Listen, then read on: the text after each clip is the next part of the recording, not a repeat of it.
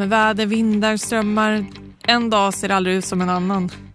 Tycker synd kanske om simmarna som stirrar ner i samma kakel eller upp i taket varje dag. Och det ser likadant ut medan alltså, för oss är det en ny spelplan varje gång man åker ut. Vilket är så fantastiskt. I dagens avsnitt av Båtlivspodden har vi celebert besök. Med mig i studion har jag Josefin Olsson som tog OS-silver i Tokyo. Josefin seglar en båt som heter Laser Radial. Och eh, det är en enmansjolle som är otroligt fysisk. Tycker ni att eh, båtnamnet Laser låter bekant så är det förmodligen för att det faktiskt är det. Det är eh, samma sorts laser i princip som finns på mångas eh, landställen och brygger och seglarskolor. Men när man kör ett OS då hanterar man den lite annorlunda, det vill jag lova. Vi kommer prata om allt från eh, träningsupplägg, om man inte tröttnar på att stirra ut på havet och hur mycket man faktiskt reser. Och sen blir det ju självklart lite snack om hur det är att vara på ett OS mitt i en brinnande pandemi. Självklart bjuder vi också på ett nyhetssvep med Lars-Åke. Vi kommer fortsätta följetongen om superjots och ryska oligarker. Vi har med oss en gäst från nätverket She Captain vi kommer tipsa om sommarens bästa bok kanske. Och vi avslutar i dur med en riktig solskenshistoria om återfunna båtmotorer. Jag heter Hanna Hellberg och detta är Båtlivspodden. Båtlivspodden är ett initiativ från tidningen Båtliv, Svenska Sjö Båtförsäkringar och Svenska Båtunionen.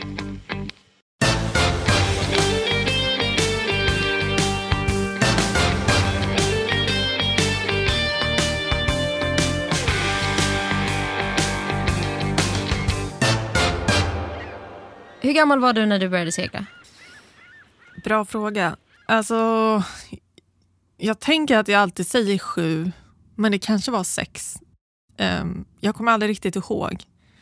Um, min första upplevelse var väl när vi var ute på vårt sommarställe på Runmarö i skärgården. Och eh, vi har ett ehm, ställe i Söderby, Söderbysundet som går där och jag skulle segla optimist tvärs över sundet själv. Det var halvvind fram och tillbaka. Jag kom till alla andra sidan. Hur vände jag? Fastnade där, gallskrek till pappa liksom. Hjälp! Sen lyckades han komma förbi, vända mig. Jag seglade tillbaka, körde rakt in i bryggan. Det var liksom klassisk första upplevelse tror jag. Perfekt, så det var första gången du tränade slag och tilläggning? Ja, precis. Båda gick ganska dåligt, men eh, alla börjar ju någonstans. Du vet att de brukar säga att man behöver 10 000 timmar för att bli bra på någonting? Ja, precis. Har du tränat 10 000 timmar slag? Just slag tror jag kanske inte jag har tränat 10 000 timmar eftersom jag har vissa tränare som fortfarande säger till mig att jag inte kan slå. Men eh, 10 000 timmar har man ju i alla fall kommit upp i seglingsmässigt. Det borde väl vara mer nu nästan? Ja, ja men det är det ju. Hur många jag... timmar lägger du på träning på ett år? Jag tänkte säga jag är dålig på att föra statistik alltså, men det är några hundra timmar alltså. Och många dagar. Förra året blev extremt mycket träning skulle jag säga. Men det gav ju resultat också. Det gjorde ju det. Ja, precis. Jag tror vi gjorde lite annorlunda upplägg träning förra året. Just lite i och med corona och att det var svårare att resa. Att många träningsperioderna blev mycket längre och längre tid borta och flera veckor i rad, vilket gjorde att man fick in mer timmar istället för att man åker någonstans, stressar, tränar jättemycket under en kort period och sen är man hemma och vilar ganska många dagar egentligen och sen tillbaka. Utan här kunde man köra lite mer. Segla tre dagar, vila en, segla tre dagar, vila en och så var man borta någon dryg månad istället och körde. Men du gillar att vara borta? Alltså, du tycker inte det är jobbigt att vara borta hemifrån? Jo, det gör jag. Det är kanske för att man varit hemma en hel vinter nu som man tänker att man gillar att vara borta. För man är inte van med det. Man är van att vara borta en del. Men... Varit hemma en hel vinter. Jag tänker att vi landar lite i det. För att den, du får rätta mig om jag har fel, den 2 augusti mm. 2022, 2021, 2021 ja. i Tokyo. Mm. Eh, så tog du din första OS-medalj. Mm. Eh, ett silver Mm. efter eh, ett gastkramande medaljrace. Eh, Verkligen och vi har ju pratat sen dess och jag har ju frågat dig om du har hunnit landa i det här. Men då frågar jag nu istället, har du tröttnat på att vara hemma? Ja, lite ibland faktiskt. Eller ja, jag trivs ju väldigt bra hemma. Och ibland så är det bara skönt att vara hemma om man tänker hur jobbigt det är att resa dit och packa och fixa. Och just med, med segling, det är så mycket logistik alltid kring mycket. Just den biten saknar man ju verkligen inte. Och köra båtar hit och dit. Men eh, också nu, jag har varit iväg och seglat någonting och bara åkt bort lite och då märker man att när man kommer hem att oh, gud, det är kul att resa, uppleva nya saker. Framförallt kul att segla, vilket är svårare här hemma på vinterhalvåret. Alltså. Favoritställe att träna på? Ja, men favoritställe? Ett av favoritländerna generellt har väl varit Australien. Härligt klimat, härliga människor, man förstår vad alla säger. Bra stämning och alltid bra träning. Men sen trivdes jag också väldigt bra faktiskt under förra vintern när vi bosatte oss på Lanzarote i stort sett hela vintern och tränade. Vilket var ja, men, hur bra som helst tyckte jag. Bästa snackset att ha med sig? Ut på, ja, både på land och ut på vattnet. Ja, bra. Alltså på vattnet så brukar vi köra våra klassiska Nutella-rullar som vår kock introducerade för oss för länge sedan nu. Vilket är egentligen bara en tortillabröd med Nutella på. Väldigt bra snacks mellan racen. Är det Pelles uppfinning alltså? Ja, precis. Pelle Lindius, världens bästa landslagskock. Ja, precis. Segling-Sverige är inte svinstort, det har vi konstaterat några gånger. Men för de som inte känner till dig så seglar du en båt som heter Laser, Mm. eller Ilka. Mm. Eh, och det är en enmansjolle. Mm. Så det är ju ändå du och din båt och man sitter inte jättelångt från vattenytan. Nej. Alltså man är ju nära seglingsupplevelsen. Ja, men verkligen. Det är ju lite annorlunda känsla. Men det är en ganska härlig känsla att vara så nära vattnet. Och så många är så här, åh men laser det går så långsamt. Men många båtar är så här, man sitter uppe och man har inte riktigt den vattenkontakten alltid som man har med lasern. Och det är väl just den som är ja, men ganska härlig faktiskt. Och även fast det inte går så fort så känns det så mycket fortare eftersom man är så nära vattnet tycker jag. Och när du är själv så är du ju faktiskt skeppare, taktiker, trimmer, navigatör, strateg, Ja men verkligen. fördäckare. All in one. Ja. Och många kan vara så här när man seglar enmansbåt och alla är så här, åh men är det inte så ensamt och sitta ensam ute på vattnet och sådär. Men jag tror aldrig riktigt jag riktigt tänkt det eller sett på det viset. För så fort du tränar eller tävlar så har du så mycket saker du ska göra och tänka på hela tiden. Att du aldrig har liksom möjlighet riktigt att tänka att åh, här sitter jag helt ensam i båten. Utan det är beslut man måste fatta hela tiden, driva båten, trimma, taktik som du säger, strategi, allting. Och så fort du går i mål eller träningen är slut så åker man och pratar med sina ja, men träningskompisar, coach eller någon annan. Så nej, det här med att känna sig ensam i enmansbåten brukar jag sällan känna. Men du har inte funderat på att sadla om till en annan typ av båt där man är fler? Um, ja, tankar har ju alltid funnits. Och klart jag har varit sugen på det.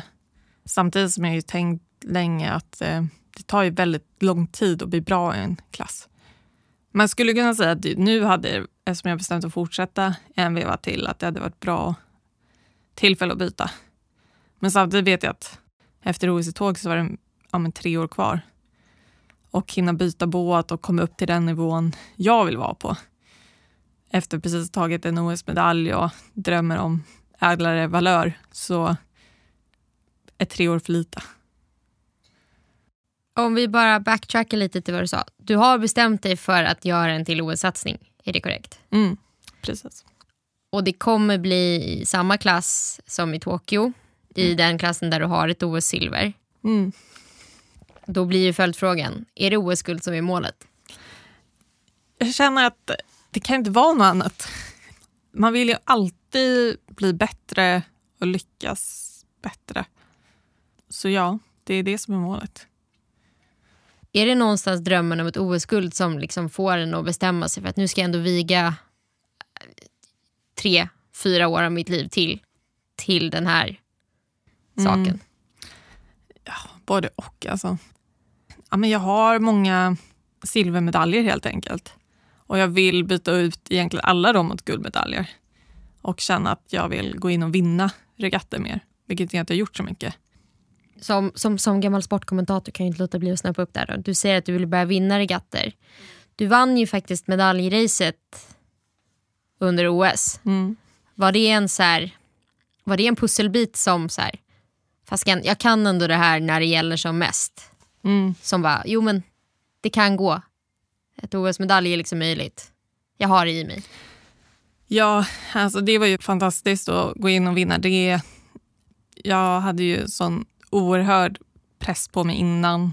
Just att det var så tajt med poängen. Jag gick in som trea, men det var fem bakom mig som kunde bli trea. Och man kände ju att jag har hållit på med det länge. Jag har drömt om det här länge. Jag kan ju inte gå in och känna att jag kan förlora medaljen, utan man måste gå in med inställningar för att vinna den. Vilket är ja, svårt och jag sov ju typ ingenting den natten. Var jättenervös, jättetrött och efteråt var det nästan så här, gud det här kommer jag aldrig vilja göra om för att man hade mått nästan så dåligt inför. Men nervositet och mycket tankar under hela veckan och man blir så totalt utmattad men ganska snabbt hittar man att, ja, att det är värt alltihop. Vi blev ju lite lätt filosofiska där ett tag eh, och pratade om liksom, nära känslan vid vattnet, nervositet eh, och allt som rör sig i huvudet när allting ställs på sin spets. Men jag tänker att vi ska bli lite mer liksom, konkreta. För det är trots allt inte alla som, som vet vad en, en, en laser är. Mm.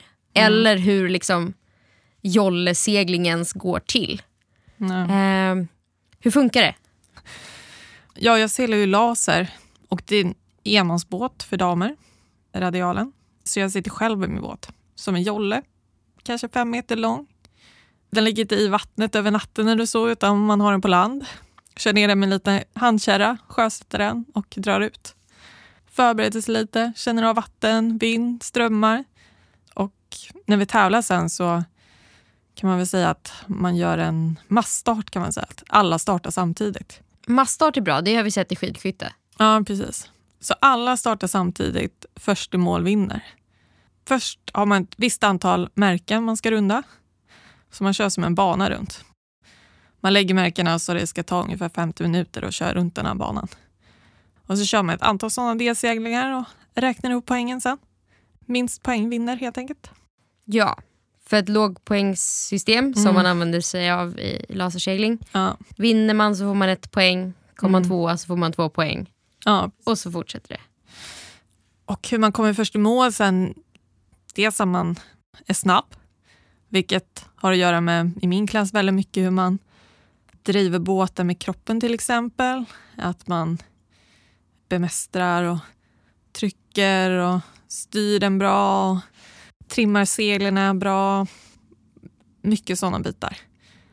Och sen har det att göra mycket med också hur man Dels om man är duktig strategiskt på att placera båten på rätt ställe på banan. Om man är bra på att läsa vindar, vattnet och hur man ska gå kortast väg egentligen runt banan. Alla startar samtidigt så är det inte alltid man kan gå just den vägen man vill utan man har andra tyvärr ibland att förhålla sig till. Vilket kan vara en utmaning. Igen, lite som i skidskytte. Det är alltid någon som kan vurpa framför dig. Ja, precis. Ja. Lasersegling i ett nötskal. Mm. Starta bra, segla fort, fatta mm. rätt beslut, kom först i mål ja. och gör det i varje race. Ja, precis. Vad gör man när man inte seglar? Eller vad gör du när du inte seglar? Bra fråga faktiskt. Nu för något år sedan så var jag så här, gud vad gör jag egentligen? Jag måste hitta en ny hobby. Faktiskt. Ja, för din hobby, eh, eller ditt Ja, men- jobb är ju andras hobby. Ja, men verkligen. Det är många som jobbar och sen har man seglingen som hobby. För mig var det tvärtom, att min hobby har ju varit mitt jobb. Så vad ska jag då göra när jag inte seglar? Och många i seglingen håller ju på med andra vattensporter kanske. Surfar, wingfoilar, windsurfar, ja, Mycket Kajtar. kolfiberleksaker ja, väldigt mycket. Men ibland när jag inte seglar så kan jag tycka det är skönt att vara på land och inte vara blöt faktiskt. Det är inte alltid det är så lockande. Jag har varit ute och seglat och varit dyngsur i saltvatten en hel dag. Och sen ska man gå ut och vågsurfa för att koppla av. Det har jag haft lite svårt för faktiskt. Nu för tiden så har jag ju börjat jobba också på kontor. Så då känner man att just nu är det det här jag gör och sen så blir seglingen lite mer min hobby. Kommer det förhållandet ändras i takt med att vi närmar oss Paris? Ja, så kommer det ju vara. Det krävs en heltidsinsats i stort sett sista året för att lyckas. Det blir så mycket resande, så mycket träning och just om man har möjligheten att inte begränsa sig av något annat.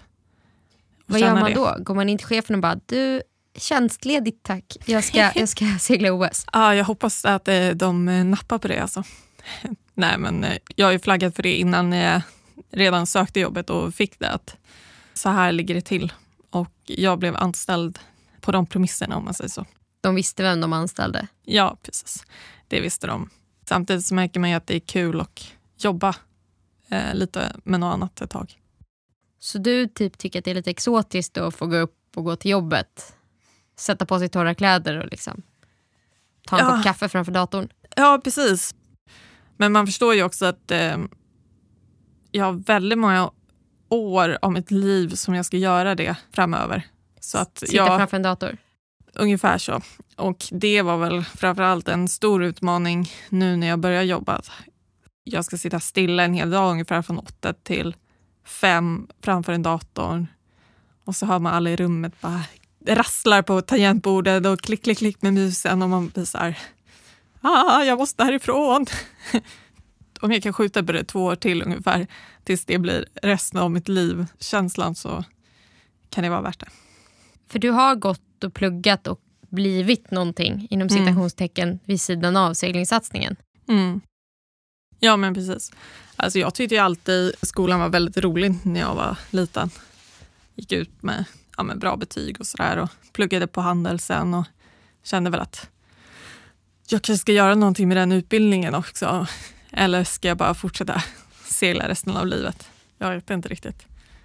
Så nu känner jag väl att det kanske var dags att testa på och jobba lite med någonting kopplat till min handelsutbildning. Och, ja, känna den sidan av livet också.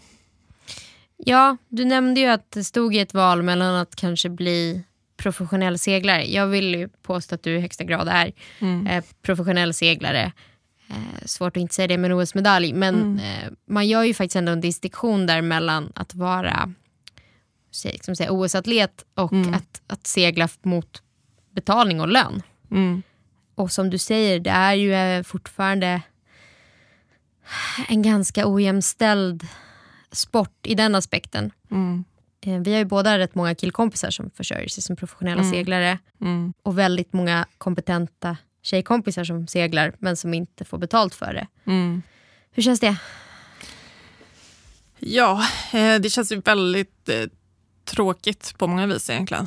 Eh, ja, såklart hade det varit roligt att kunna vara taktiker på en båt och få pröjs för det egentligen. Eh, eller bli tillfrågad som rorsman hit och dit. Eller det finns olika kupper mer inriktade för damer och det var populärt på ett annat vis. Men det börjar ju komma mer och mer. Men om man tittar på ja, många klasser så är det kanske en av en besättning på sju, åtta pers så är det kanske en som måste vara tjej.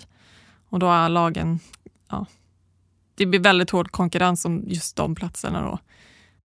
Ja, det, det kanske ska föras till protokollet att det är, det är rätt vanligt att man börjar, för att försöka ändra på den här balansen, kvoterar in eh, tjejer i besättningar. Mm. Det är ju vissa jobb på båten ofta som en tjej kan göra lika bra som killarna. Samtidigt som vissa är ju extremt fysiska där vi aldrig som tjej skulle kunna sätta emot och vara, eh, ha samma kapacitet som en grinder på en stor båt. Nej. En grinder är eh, ofta väldigt, väldigt, väldigt, väldigt starka killar Mm. som egentligen bara ska vara max som en motor. De ska Ja. veva ofta så fort som det bara går.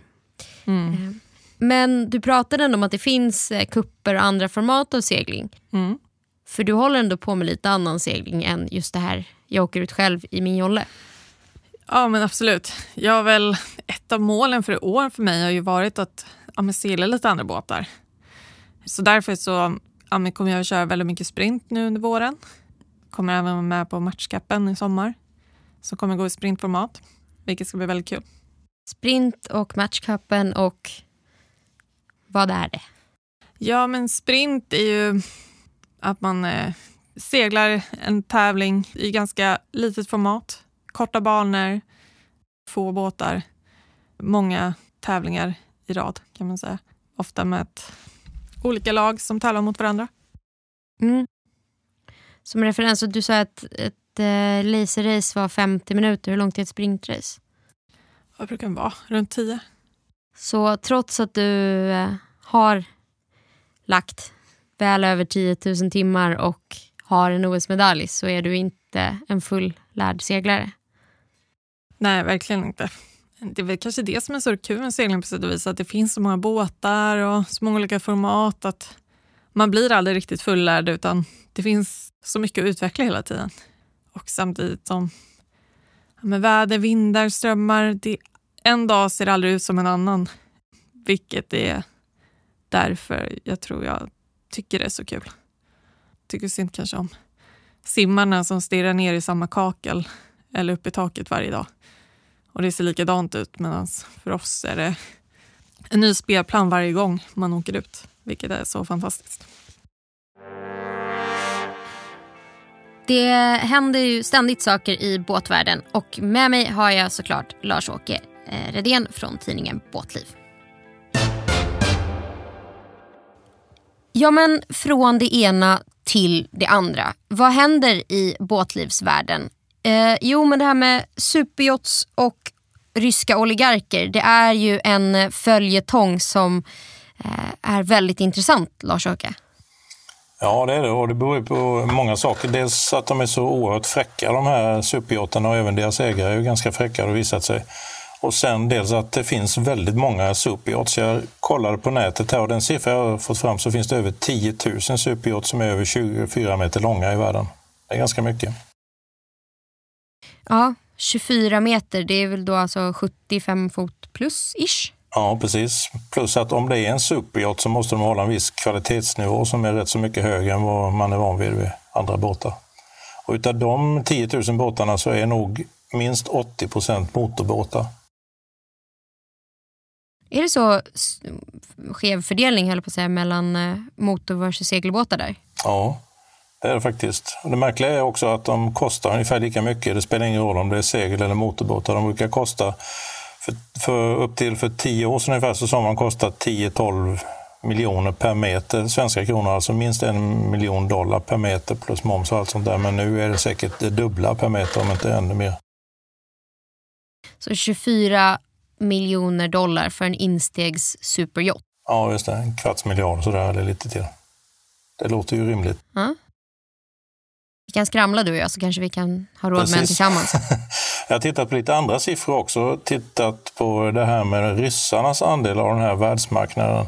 Om man tar just de här båtarna från 24-25 meters längd och uppåt så står ryska eh, oligarker, eller ryska ägare ska man säga, står för ungefär 8 procent av världsmarknaden. Det är ju inte så mycket. Då kan man tycka att det var konstigt att det blev sånt liv om det här. Men om man tar större båtar ifrån 80 meter och uppåt, alltså 240 fot då, vad blir det, och sen så uppåt, då har ryssarna eh, minst 60 procent av den marknaden och när man kommer till det allra finaste, så är det, alltså allra lyxigaste, så är det ännu högre andel. Och det här handlar om jättemycket pengar. Alltså den här superyachtmarknaden omsätter eh, ja, minst 300 miljarder svenska kronor om året, så det är ganska mycket. Ja, det, ju, det tar ju sin lilla tid att bygga en sån här båt. Alltså, får man sålt en eller två yachts så håller det ju uppe liksom ett varv i några år. Ja, men så är det. Det är ju inte som att man massproducerar och trycker ut några i veckan utan det är ju, det är ju liksom en flerårig process att få fram en superyacht. Mm. På tal om varv så har det varit mycket snack om en båt som heter Scheherazad och som många mm. har hävdat att det är säkert Putins båt. Den ligger fastlåst i ett varv i Marina da Carrara. Det ligger på italienska nordvästkusten kan man säga, där det är flera stycken varv som bygger sådana här superyachts. Och den här båten, bara den är värd 700 miljoner dollar. Personligen så tror jag inte att det är Putins yacht och det beror på att jag pratat med lite sådana här superyachts-designers. Det finns ju sådana även ifrån Skandinavien. Och de hävdar att det, mm. det, finns nog kopplingar, men det är inte Putins egen. Han har ju någon som man körde med till Kaliningrad dagarna innan kriget bröt ut där den 24. Men vi kanske kan gissa att det är någon av Putins kompisars båtar? Ja, om Putin säger att han vill ha den så kanske det är hans, det vet man ju aldrig. Nej, om man säger nej så kanske man får sitt eh, kontrakt på sitt företag indraget. Precis. Så det har beslagtagits en del riktigt fina båtar här. En som heter Amadea som man hittade på Fiji. Och sen så är det någon som heter eh, Tango, heter en superyacht, som har lite svenska kopplingar faktiskt. För den ägs av en eh, oligark, en rysk oligark som heter Viktor Wexelberg. Och han är med och äger den här eh, fabriken som heter Kubal i Sundsvall, ett aluminiumverk där uppe. Så man har beslagtagit ännu fler båtar och det som jag har hört i senaste snacket är väl att båtarna är ju inte bara dyra att köpa, de är ju enormt dyra att drifta. Och det som har blivit problematiskt är ju alla de som var anställda på de här båtarna. De får ju liksom inget betalt och de ligger bara i hamn och det är väl lite kontroversiellt om vad som händer där. Det är inte som att de har ett fack att gå till där de kan få ut a-kassa direkt kanske.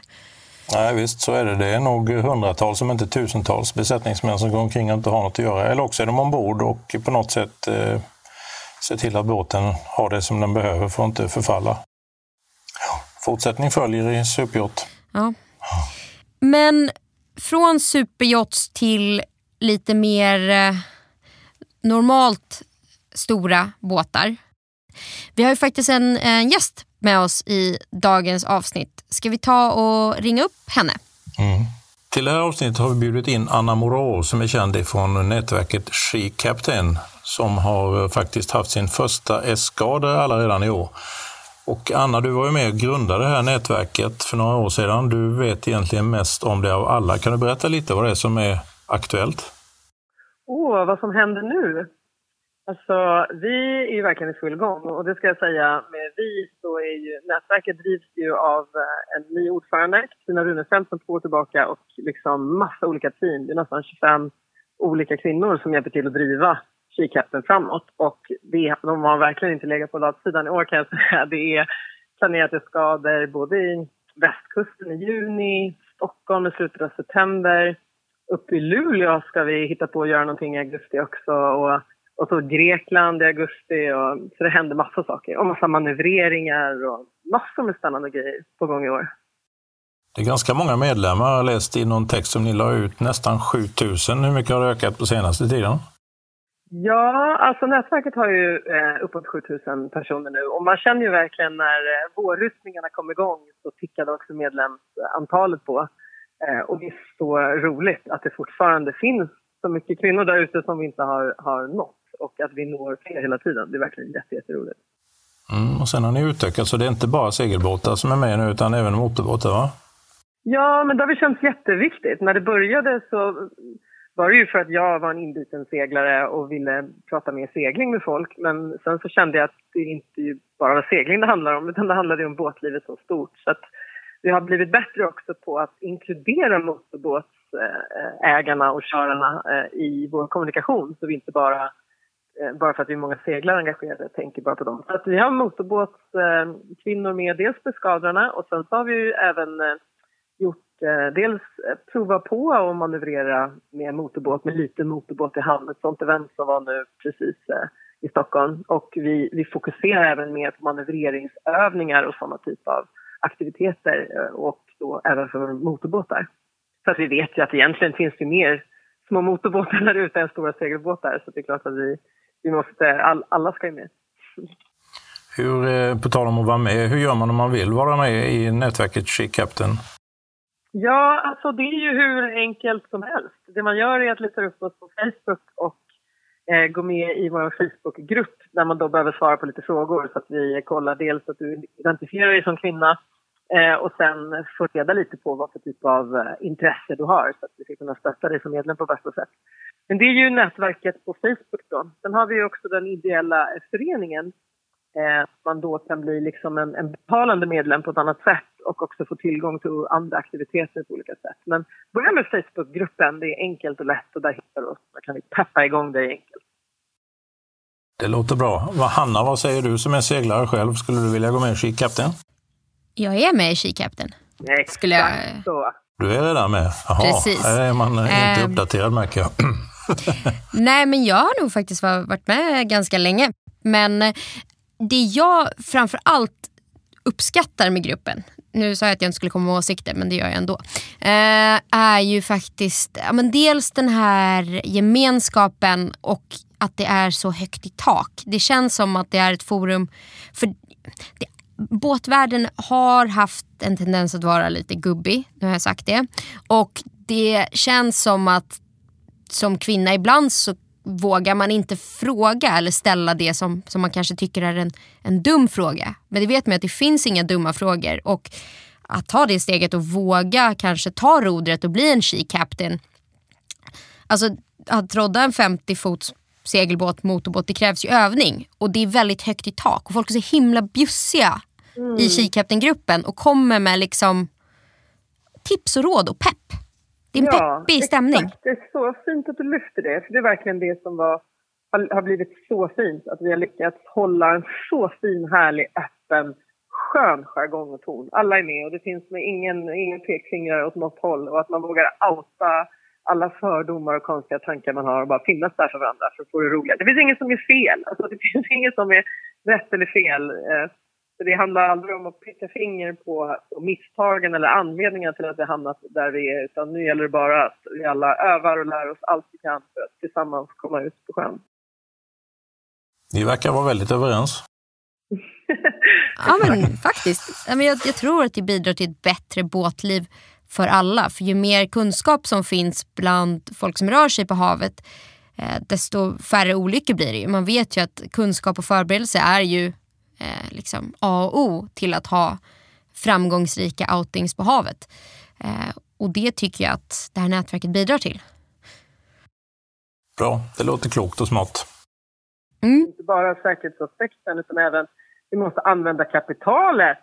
Herregud, det är så mycket kvinnor som sitter och är delägare i de här båtarna. Man har i sin relation eller en familj, man tittar på de mer normativa relationerna. Men man är inte ute och kör båten själv. Man kommer inte ut med tjejgänget om man inte... Så att vi måste ju se till att kunna liksom, nyttja båten också lika mycket som, som den andra. Och för de som inte har båt eller är i relation så vill vi också verkligen som Kikhatten också kunna bidra med möjligheter att ta sig ut. När man, eh, när man inte har råd eller möjlighet att äga eller man inte känner sig trygg med det. Och, så det finns så mycket möjligheter att bara kunna joina någon annan eller joina en skador och bara komma ut oavsett eh, din, vart du bor eller din, din, din liksom privata situation. Det tycker jag är så viktigt att få bidra. Jag ska väl plocka upp det här med du sa om skador. För det, det, är en del av vad ni gör men, men ni har ändå varit ute och seglat. Vad är en eskader för någon som inte har, har varit med? Ja, en eskader är ju då när man är ute och seglar eller åker båt flera stycken tillsammans. Det är då man kallar det för en eskader. Vår största eh, som vi gjorde, det var precis innan covid kom, då var vi ute 120 kvinnor på 33 båtar i Stockholms skärgård. Eh, och sen när vi gör utomlandsskador då brukar vi ligga på mellan sex båtar, ungefär 40-50 kvinnor brukar vi känna en, en bra storlek på gruppen. Men det stora det handlar om det här, det är också att man lär av varandra. Så om du i skadorna som man gör i hemmavatten då, om du eh, eh, är så att du har tillgång till en båt, men du kanske inte har vågat eh, vara skeppare på den själv, då sätter vi en väldigt erfaren besättning till dig så att du får chans att prova på att våga vara skeppare på din egen båt. Och är du då någon som har tillgång till båt och är väldigt erfaren, så kan vi sätta en lite mer oerfaren besättning på dig. Och så lär man sig på det sättet och just de praktiska övningarna. För det är det vi har märkt är det som är den stora tröskeln in till att våga börja manövrera och köra båt själv. Så är det just de praktiska manövreringarna. Och vi märkte ju att man behöver ju egentligen inte mer än typ en helg Och sen fattar alla tjejer som har kommit att fan, det här var inte svårt. Det är ju bara köra liksom. Härligt, det låter helt rätt. Men jag tror att det är verkligen en sån här grej. För, för att få rodda rätt stora båtar det krävs ett, ett eh, kustskepparintyg eh, om båten är större än 12 gånger 4 meter. Eh, men det krävs ju egentligen ingen praktisk övning. Nej. Och eh, alltså De flesta kan ju läsa in teorin, det gör man också på en helg. Men det är just det här praktiska, att få det och i en trygg miljö. Alltså det är jämfört med att, det är ingen som får körkort för en bil utan att kunna köra. Liksom. Exakt. Eh, och det här är då alltså en båt på liksom flera, flera ton som du ändå ska lägga till. Och liksom. Ja, och sen så det stora problemet, och det många kvinnor eh, pratar om, och det är inte bara kvinnor, det är lika mycket killar som kommer fram och säger det för oss efter föreläsningarna, att, så här, att man tycker att det är jävligt pinsamt att vara dålig. Att man är rädd för att göra misstagen, att folk sitter där i sittrum, kollar på en och garvar åt en och man tycker och det här märker vi då att killar generellt sett är bara lite bättre på. Att liksom fucka upp och göra fel. Det är inte lika jobbigt. Medan man som tjej man inte vill utsätta sig för det. Alltså, som man vill, ska man ens prova att lägga till eller någonting då vill man göra det någonstans där inte någon annan är i handen. Liksom. Så det finns ju många sådana saker att våga prata om och adressera så att man vågar öva och man vågar vara nybörjare och man vågar göra lite, lite fel. Men också lära sig vad är lite fel och vad är det för saker vi faktiskt måste kunna så att vi inte liksom, skadar varandra. Nej, där får vi väl faktiskt säga att det finns kanske en anledning till att det manliga könet är överrepresenterade i olycksstatistiken. Men det är ju synd om man då istället aldrig kommer ut på vattnet för att man är så rädd att göra fel och inte får lära sig. Så det här känns ju som en, en positiv väg framåt till ett, ett bättre båtliv. Verkligen. Vi brukar, skoja, vi brukar skoja lite om det och berätta att många kvinnor har, eh, man är rädd för att man ska, liksom, när man lägger till, man ska in och ramma bryggan. Men alltså det är killarna som rammar bryggan. Tjejerna snarare, vinden hinner ta dem för man kör så långsamt in. Liksom, så att man kommer inte fram så att man spänner upp aktertanten så mycket nästan. Så att det, är, det är klart att det finns utmaningar för alla vad gäller manövrering. Men vi ska inte bygga upp så mycket hjärnspöken. Det är faktiskt eh, inte så, så läskigt som det känns. Så om man vill komma ut och öva, du har berättat lite om hur man blir en She Captain. Men, men säg att man, man står där och man kanske har en båt, kanske inte har det, men man vill ta nästa steg. Hur hade du gått tillväga eh, rent konkret? Rent konkret så är det eh, rådet som eh, vi märker, inte bara från mitt håll utan från de flesta olika kvinnor i kikärten, när, när det just kommer upp nybörjare som är så här, jag vill börja, jag vet inte riktigt hur jag ska komma igång, vad för kurser ska jag gå?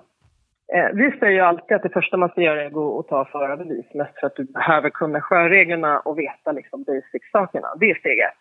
Steg två, har du möjligheten, köp dig en båt. Punkt. Köp dig en båt, du kan öva mycket, komma ut mycket. Köp dig en liten sak så du får liksom vana i att manövrera, vana i att vara ute. Liksom. Sitt inte och vänta och liksom tänk. Och, och det går inte att lista ut rent teoretiskt, kommer jag gilla nästa steg i båtlivet? Man måste bara sätta igång. Och ju snabbare du kör, desto, desto snabbare blir det kul. Liksom. Basically. Och det är väl också det positiva att med instegsbåtarna, de är ofta, om man säger en gammal IF eller någonting, de är i princip osänkbara och det kan inte gå så fel. Så det är, det är ganska så här, confined water training att, att eh, köpa en liten båt och testa. Liksom. Exakt, både för motorbåtarna och för segelbåtarna. Man kan både med de små segelbåtarna kan du köra ett ordentligt på grunder och motorer överhuvudtaget. Liksom. Och de små motorbåtarna också, det är klart att ha koll på så att du inte har för mycket hästkrafter och att du kan kontrollera den. Men annars så, så är det, riskerna är mindre och det, om det är just riskerna man är rädd för det är världens bästa sätt. Att bara, det, det är bara ut, ut och kör, ut och öva och våga göra fel. Mm. Nej men, eh, och sen måste vi lägga till en sak för den här podden är ju faktiskt ett initiativ av eh, både Båtliv, eh, Svensk Båtunion och sen Svenska Sjö båtlivsförsäkringar. Så det kan man ju faktiskt säga då att det är också bra att ha en försäkring om olyckan skulle vara framme. Alltså ja, nej men förlåt, jag vill inte liksom egentligen låta som att jag ställer försäkringar men alltså ja, alltså ha inte en båt utan att vara försäkrad. Det, det kan jag säga. Min, min, min segelbåt välte en gång på land under vårrustningen. De mest konstiga saker kan hända. Var, var försäkrade. Ja, var försäkrade. Anna, tack för det. Och eh, ser fram emot att höra mer från She Captain och vi kanske får anledning att höras i ett framtida avsnitt. Ja, det tycker jag verkligen ni ska göra. Kom och hälsa på oss, det är roligt det vi gör. Kanske under Gotland runt när vi gör en stor meetup på Skeppsholmen. Kom och, och joina oss och häng lite med oss, det ser vi fram emot. Tack, tack. Tack, tack. Hej. Kul att höra om She Captain från Anna Moro och om deras äventyr på de sju haven. Eh, jag älskar mina övergångar och då vill jag säga att när man är ute på eskader eh, då har man ibland lite dödtid och det kan vara trevligt om allt löper på att läsa en trevlig bok. Och på det temat så har ju du faktiskt lite glada nyheter. Ja, jag snokade upp en hamnbok faktiskt, eller hamnguide som heter Åland och Stockholm, Stockholms eh, skärgård. Och den gick ut, ges ut på förlaget Brixham Books. Det är faktiskt så att det är lite gammaldags böcker kan man säga som är gjorda i modernt format. Spiralbundna böcker på väldigt bra papper, massor med fina bilder och instruktioner hur man tar sig in i hamnar. Och eh, här, här hittar man alltså både Åland och Stockholm, de allra populäraste hamnarna. Jag måste säga att det här är böcker i absolut toppklass som jag rekommenderar att alla har med sig. Även om man kan se väldigt mycket i både telefonen och, och i eh, övriga instrument ombord så det är någonting speciellt att sitta där på kvällen kanske, eller när man är på väg in i en hamn och, och läsa lite grann eh, om destinationen som man kommer till. Så att jag rekommenderar varmt att man eh, tar och kollar på de här Brixham Books, alltså, och sen så handlar det om Ålands och Stockholms skärgård. Och de här böckerna finns både på svenska och engelska. Kan vara bra att känna till. Kanske bra presenttips också till någon aspirerande She or He Captain Absolut. som sommarpresent. Bra tips och jag gillar det här positiva spåret. Det är kul med glada nyheter. Och också när de är lite oväntade. Man hör ju rätt mycket om att det, det stjäls båtmotorer och var och varannan dag känns det som att man får eh, tips om hur man ska eh, skydda sin motor från stöld och, och vad man ska göra. Och man får gå vakt. Och man tror ju ofta att om blir en båtmotor eh, stulen så kommer den aldrig tillbaka. Men nu har vi en solskenshistoria av rang här. Ja, alltså redan på eh, Eriksbergs båtmässa i Göteborg här i början av april så började det surras om att det var någon lastbil på väg tillbaka med stulna motorer utomlands ifrån. Och sen har Larmtjänst, då, alltså sakförsäkringsbolagens bolag, eh, rapporterat att eh, och även skickat ut bilder på en transport som gick genom Sverige med 25 stycken stulna båtmotorer som kom nerifrån Rumänien där man hade hittat dem genom lite detektivarbete. Och alla de här motorerna skickas tillbaka till Sverige på en bärgningsbil. En festlig detalj var det att när man hunnit några mil in i Sverige så stoppades ju den här rumänskskyltade bilen av polisen som trodde att det var stulna motorer. Det var ju bara det att de var på väg in i landet. Det var första gången de hade upplevt det. Det fina med den här historien är att alla de här motorerna hittades tack vare att ägarna hade gjort som man ska göra. De hade använt Secumark eller något liknande identifieringssystem och sen hade de noterat vilket nummer motorerna hade. Alltså det finns ju alltid ett litet tillverkningsnummer någonstans på, på en motor, både på växelhuset och kanske på själva motorenheten. Och tack vare att så många i det här fallet hade de här uppgifterna så kunde man spåra eh, motorerna som stals 2019 faktiskt men nu är de tillbaka i Stockholm och eh, på något sätt hamnar de på den svenska marknaden igen. Tycker själv var en rätt kul solskenshistoria i allt detta elände som har varit om stulna båtmotorer. Men betyder det att de till och med kan komma tillbaka till sina tidigare ägare eller har de redan blivit ersatta av försäkringsbolagen? Ja precis, de har redan fått sina pengar och allting är reglerat sådär. Men det är ändå väldigt positivt när man lyckas äntligen tala om för de som stjäl de här grejerna att eh, vi har möjlighet att få tillbaka dem. Ja. Innan vi rundar av dagens glada poddavsnitt så ska vi väl berätta att Båtlivspodden har gått och blivit med Instagram. Att Batlivspodden heter vi eh, där. Och eh, där får man jättegärna skriva till oss om man har synpunkter, åsikter, gäster som man tycker att vi ska bjuda in, ämnen som man vill att vi ska prata om. Där finns även länk till mejladress så att man kan komma i kontakt med oss. Så in och följ Batlivspodden på Instagram. Så ser vi fram emot avsnitt tre som kommer komma om ungefär två veckor va? Yes, det gör vi. På återhörande tills dess. Hej från oss.